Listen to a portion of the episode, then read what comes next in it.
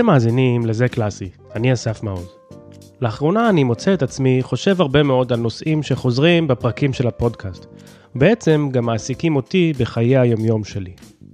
חשבתי לשתף אתכם היום באחד הנושאים שמעסיקים אותי. אני מניח שאתם יודעים שאני כנר שמנגן בתזמורת הפילהרמונית, ובנוסף ברביעיית טוסקניני. לא רק זה, אלא שאני גם מגיש שני פודקאסטים. זה שאתם מאזינים לו עכשיו, ועוד אחד באנגלית שנקרא Strings Attached.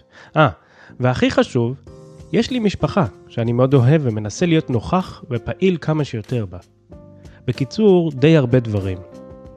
אם שמתם לב, חלק מהדברים נעשים לבד, וחלק ביחד, בקבוצה. בחלק מהם אני היזם, היוזם, ובחלק מהם משתתף פעיל. בחלק מהם אני גם משתתף וגם יזם. בקיצור, סלט. מסלול החיים המקצועי שלי לקח אותי במעין מסלול מובנה שכזה. ברור לך תמיד מה התחנה הבאה בדרך להצלחה.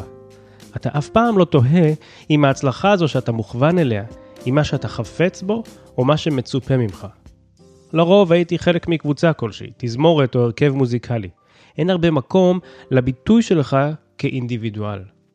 בשנים האחרונות הבנתי שיש לי מה לתרום גם מעבר לכוחה של הקבוצה. אבל האם זה סותר? בואו לרגע נבחן את הביחד הכי קרוב ופשוט עבורנו. המשפחה, הזוגיות. בפרק 33 אירחתי את שירה וירון. הוא מנהל מכינה והיא יועצת זוגית. ובמהלך השיחה, ירון אמר אמירה שממש מצאה חן בעיניי. ירון, יש לי שאלה אליך מאוד אישית. כשאני הכרתי את תמר, היא הייתה עדיין פסיכולוגית.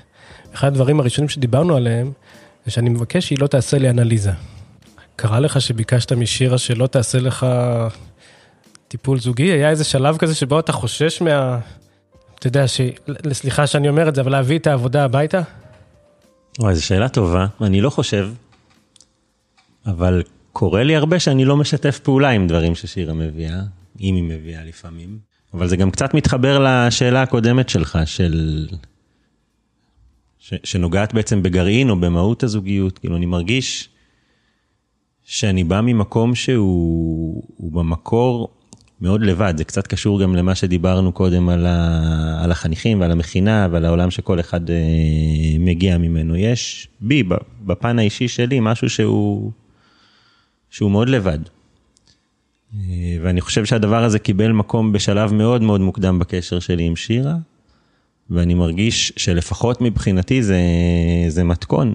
זאת אומרת, היכולת לבוא ולהגיד, אני קודם כל עצמי, ואני לא שם עליה שק של ציפיות, אבל מצד שני אני גם לא מוכן שישימו עליי שק של ציפיות. ונקודת המוצא שבה אנחנו קודם כל מקבלים את העובדה הזאת, ואז לומדים ליהנות מהערך המוסף של הזוגיות שלנו, היא מבחינתי תנאי, והוא לא תמיד בא בטבעיות. ולפעמים, כמו שאתה אומר, כאילו כל אחד מביא את המטען שלו, מהיום שלו, מהחוויות שלו, ממה שעבר עליו, ופתאום יש לו איזושהי ציפייה. ואז צריך לזכור שלפעמים זה בסדר שהבן זוג ישתף פעולה, ולפעמים הוא גם לא ישתף פעולה, אה, ולא משנה מאיזה צד. וזה מה שעושה אותו הוא, וזה מה שעושה אותו עצמאי, וזה מה שעושה אותו הבן אדם שהתאהבת בו. אה, אני חושב ששירה היא הבן אדם שהשפיע עליי הכי הרבה דווקא מתוך המקום שהיא אולי היחידה, שהייתה מסוגלת להכיל את, ה, את העמדה הזאת של, של לתת לי, כאילו של לשחרר את זה, של לתת לי להיות אני. ומתוך עמדה כזאת הרבה יותר קל להיות מושפע, בין אם אתה רוצה ובין אם אתה לא רוצה, כי זה תמיד הבחירה שלך ולא איזה ציפייה שמישהו שם עליך. גם אצלנו בבית, אני מוצא את עצמי מצפה לעצה של תמר לפני פרק חדש או לפני החלטות חשובות. היא עוזרת לי להיות טוב יותר. אני מקווה שגם אני עוזר לה. אז זה נחשב לביחד או לבד? אחת המחשבות שמטרידות אותי היא האם עשייה מרובה לבד מובילה אותי לאושר בעשייה או למתח. למשל, כשאני מקליט פרקים בשתי שפות לשני הפודקאסטים, עורך אותם ומפיץ אותם, אני מזהה שאני מאושר לפגוש אנשים חדשים, לספר את הסיפור שלהם, לערוך את השיחה כך שהנרטיב יהיה מעניין וחיובי ככל האפשר. אבל הצד השני של ההפצה והפרסום גורם לי לחוסר הנאה, אפילו לתסכול. זה דורש ממני זמן מסך ברשתות החברתיות שאני ממש לא מחבב, ויותר מכך גורם לי למחשבה הם, כלומר אתם, חושבים לעצמם בטח, עוד פעם הוא עם הפרסומים האלה שלו. הלבד הזה של יצירה משמח אותי, והלבד של הרשתות החברתיות גורם לי לדכדוך קל. בפרק 45 אירחתי את שי מאסטרו. שי הוא פסנתרן ג'אז מאוד מצליח, ושאלתי אותו מה הוא מעדיף להיות, לבד על הבמה או ביחד עם הרכב נגנים. אחד הדברים שמלמדים אותנו, כן, אני כן בכוונה בוחר בהגדרה הזו של, של מוזיקה קלאסית, מלמדים אותנו להיות סולנים, להיות לבד. אתה תעמוד לבד על הבמה ותנגן, או תשב על הפסנתר ותנגן, ואחר כך אתה אולי, אם אתה לא פסנתרן, אתה נכנס לאיזושהי תזמורת, או לאיזשהו הרכב. יש לי את היכולת לבחור בין הלבד לביחד. Mm-hmm. מה האפשרויות שעומדות לפניך? אתה אוהב את הלבד? אתה אוהב את הביחד? המוזיקה הזו, הג'אז היא מוזיקה סופר קהילתית. היא התחילה, אתה יודע, מבעצם אפריקה, כאילו מוזיקה שאחר כך עברה עם, העבדים לארצות, הברית ובשדות הכותנה והכל, ומשם לשיקגו וניו אורלינס ואז ניו יורק וזה, וזה תמיד, תמיד היה מוזיקה קהילתית, היה משהו שמאגד ומחבר ויוצר קהילות, אז, אז כל, ה, כל התהליך היצירה הוא, הוא, הוא, הוא ביחד, זאת אומרת, אני חושב, יכול לשבת בבית ולכתוב לבד, אבל כל, כל ההזדמנות של באמת כאילו לגעת בחומר היא תמיד תמיד ביחד ולטעות ביחד וליפול ביחד. ו... וזה מדהים, אני הרבה הרבה הרבה יותר מעדיף את זה. אני, אחד החלומות, היו לי, היו לי שני חלומות שנשארו לי בבקט ליסט. אחד זה לנגן עם מוזיקה שלי עם תזמורת שזה בדיוק קרה בפורטוגל, אה, אפשר להרחיב את זה אחר כך, והשני זה לעשות אלבום סולו פסנתר. אוקיי. Okay. שאני פשוט דוחה את זה כל הזמן, כי אני מבין שהמשמעות של זה זה לעשות טורים לבד. אני כזה לא, לא, לא בא לי, מה עכשיו אני אלך לעלה לבמה ונגן חיים של סולן כזה ואתה אוכל לך כפיים, אתה יורד לחדר הלבשה ואין אף אחד לתת לו כיף, כאילו זה לא. אם ניקח רגע את תחושת הביחד, הנגינה בתזמורת מאוד אהובה עליי. אני אוהב לשבת על הבמה ולהיות אפוף בצליל שמופק על ידי כל כך הרבה נגנים וכלים סביבי. התחושה של ההתלכדות הזו של הצליל לתופעה שאנחנו קוראים הרמוניה. אבל גם שם על הבמה, כל אחד הוא לבד, עם הכלי שלו והמחשבות שלו. יש שם גם אדם אחד שעומד לבדו, ולא משמיע שום צליל, והתפקיד המרכזי שלו הוא להוביל את הביחד הזה להישמע כגוף אחד. להפוך את מה שיכול להיות כאוס צלילי לחוויה מרתקת ושמימית. בפרק 3 אירחתי את שרון כהן, חברה שלי מזה המון שנים וקולגה בתזמורת. שאלתי את דעתה מהו תפקידו של המנצח, וזו הדוגמה הנהדרת שהיא נתנה לי. אני זוכר שפעם כשניגענו ביחד בתזמורת הדיוון עם אה, דניאל ברנבוים, הוא אמר משפט שנשאר חקוק איתי. המטרה שלי כמנצח זה לגרום לגוף הזה, התזמורת שיושב מולי, לחשוב כאיש אחד. והלחשוב כאיש אחד זה לחשוב כמוני. זה לא נאמר באיזשהו משהו אגואיסטי, אלא אני רוצה להעביר דרככם איך אני שומע את המוזיקה הזו, את הסימפוניה הנהדרת שאנחנו מנגנים כרגע, או כל יצירה אחרת. בעצם, כנראה גדולתו של מנצח טוב, זה להצליח לגרום ל-90 או כמה שאנשים שיושבים על הבמה בו זמנית, לרצות ליצור את אותה המוזיקה באותו כיוון, באותה עת. נכון. אני לא בטוח שזה תמיד מתרחש, ואני לא חושב שזה מתרחש עם כל מנצח, ואולי שווה לומר שבעצם המנצח הוא היחיד בזמן הקונצרט שלא משמיע אף צליל. הוא לא מפיק כלום. הוא נותן אנרגיה או נותן כיוון, ובעצם הוא צריך ללא מילים בשפת הגוף שלו לגרום לנו, הנגנים, לרצות לעשות מוזיקה ביחד, אחד עם השני וגם איתו. כן, אני, הרבה אנשים שואלים אותנו תמיד מה התפקיד של המנצח.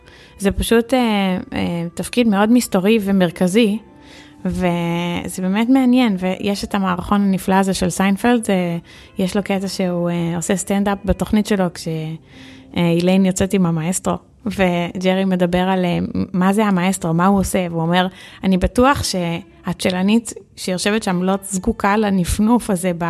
מול הפרצוף שלה, ו- והמנצח אומר לה, תעשי ככה, תעשי ככה, ואז היא אומרת לו, אני עושה ככה, אני עושה ככה. כאילו, כן, זאת לא המטרה של המנצח. אה, אבל מה כן, וחברה שלי פעם אמרה אה, משפט שממש דייק את זה בעיניי, היא אמרה שמנצח מול תזמורת זה קצת כמו במאי על סט. אה, אנחנו לא שומעים את הבמאי, אנחנו לא רואים את הבמאי אף פעם, לא בסרט ולא בהצגה, אבל אנחנו לגמרי יכולים להבין את המשמעות של הנוכחות שלו, שאנחנו יכולים להבין מה, מה הכוונה כשאנחנו מדברים על אינטרפרטציה, כשמדובר בהצגה שאנחנו מכירים ורואים אותה אה, כל כך הרבה פעמים וכל פעם באופן שונה, או אה, מה הכוונה בכיוון, שכל, ש, שיש כיוון מסוים לסצנה. כן? וזה לא חייב להיות אותו הכיוון בין, בין שני במאים שונים עם אותו הטקסט אפילו. אבל גם אם לא מדובר באיזושהי קלאסיקה של אה, שייקספיר, אלא פשוט בסרט שהוא חזק, כן? ואתה מרגיש את הנוכחות של הבמאי בכל פרט, אה, אתה לא צריך לראות או לשמוע אותו בשביל זה, וזה בדיוק מה שהמנצח עושה, וזה, ואחד לאחד, כי הבמאי לא כתב את התסריט, הוא לא עיצב את התפאורה, והוא גם לא... אה, הוא לא מתגלם בתוך הפה של כל שחקן, כן? אבל הנוכחות שלו היא, היא טוטאלית ו, וקריטית כדי להוציא איזשהו מוצר, אה, מוצר, זו מילה גרועה, כדי להוציא איזשהו, איזושהי חוויה אומנותית חזקה, ובשביל זה חייב להיות שם איזשהו אומן על. ששולט בהמון המון תחומים. ואגב, אחד התחומים הראשונים ש, שחשוב לשלוט פה זה יחסים בין אישיים. כי עומד מישהו מול הרבה, מול צוות גדול, בין אם זה סרט, הצגה, בין אם זה כוריאוגרף של, אה, של קבוצת מחול ובין אם זה מנצח מולנו, אה, שצריך לתת ביקורת, שצריך לבקש בקשה, ש, שמנסה לגרום לך לממש את הפנטזיה שלו. תנסו לדמיין בתחום שלכם איך זה מרגיש שאתה בעצם מוציא לפועל את הפנטזיה של מישהו. ואיזה מין מישהו אתה רוצה לממש את הפנטזיות שלו. אולי המקום שבו מתרחשת הסינרגיה הפשוטה ביותר עבורי הוא ברביעייה. אנחנו ארבעה נגנים, שכל אחד אחראי על איכות הנגינה שלו, שחייבת להיות ברמה הגבוהה ביותר, כדי שבזמן שננגן ביחד, המצלול שלנו, אותה הרמוניה, תהיה גדולה מסך אותם ארבעה חלקים. ומדוע סינרגיה? לא מזמן יצרתי סדרה, שבה אני מארח אורחים לשיחה, וביחד עם הרביעייה, אנחנו מנגנים ומבצעים משהו יחד הקשור לשיחה. בעצם, שילוב של אותו לבד שאיתו אני מתמודד בעולם הפודקאסט, הלבד שלי עם הכינור, אבל ביחד נפלא עם הרביעייה והאורחים שיוצר צליל נשגב. בפרק 11 אירחתי את מיקי זילברשטיין, טייס קרב ותיק שהיה בין השאר מפקד בית הספר לטיסה. דרך מיקי גיליתי שמטוסי קרב טסים במבנה של רביעייה, ושאלתי אותו האם זה דומה לרביעיית כלי מיתר. אני מנגן ברביעיית מיתרים, שבעיניי זו אחת הפורמציות הטובות ביותר של, אה, של אוסף כלים אה, אקוסטיים. שני כינורות ויולה וצ'לו.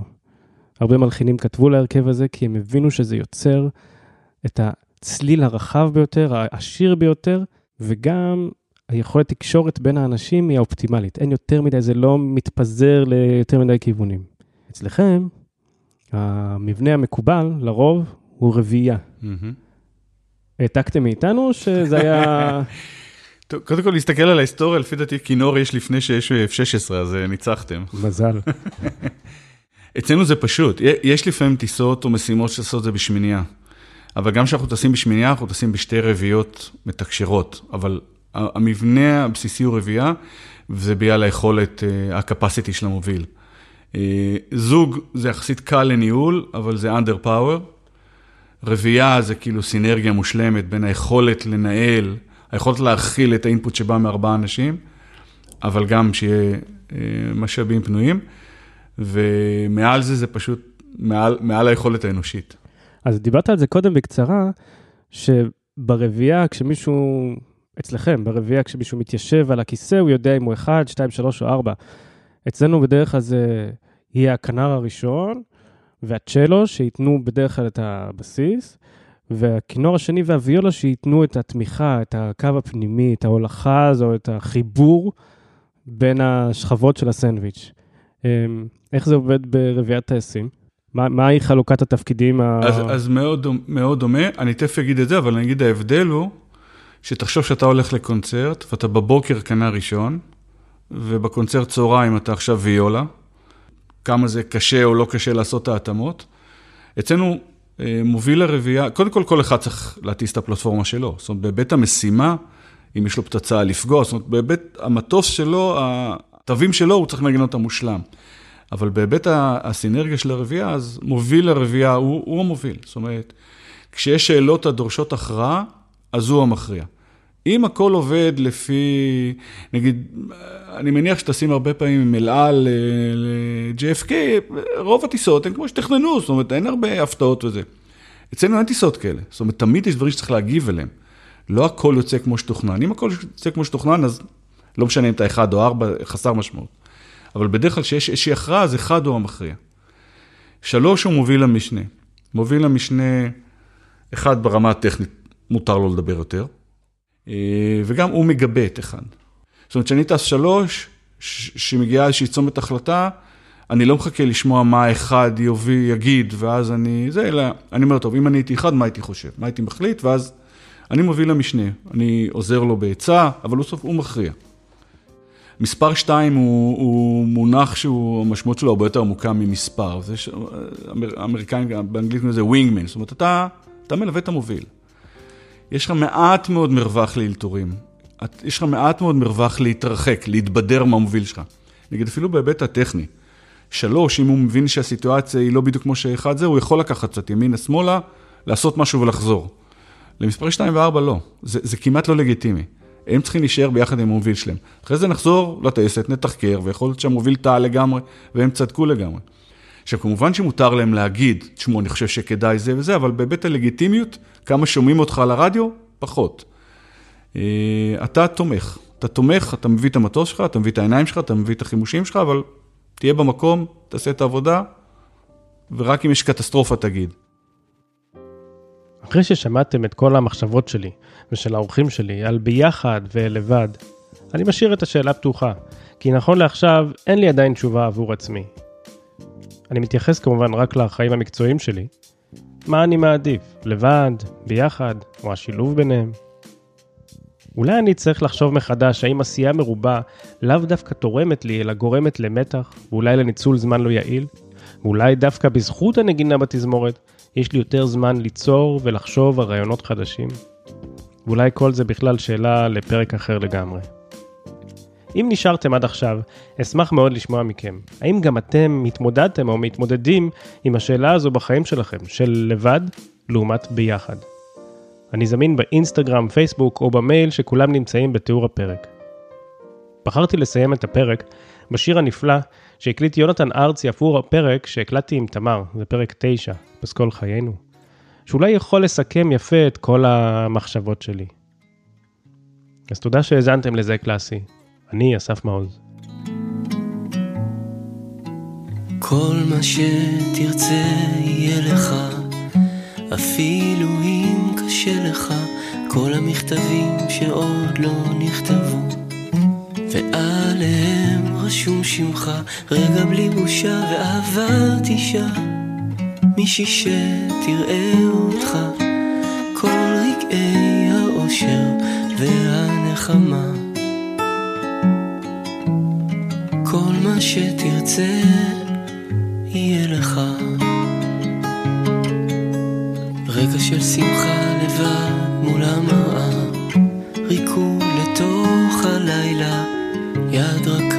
שתלטף אותך.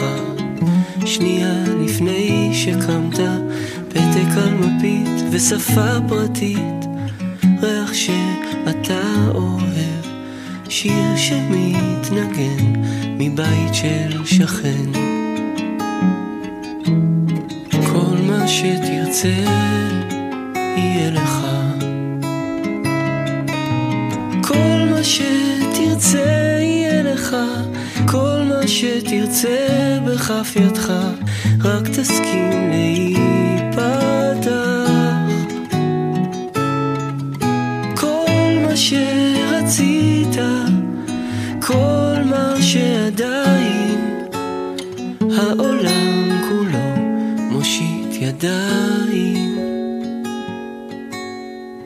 כל מה שתרצה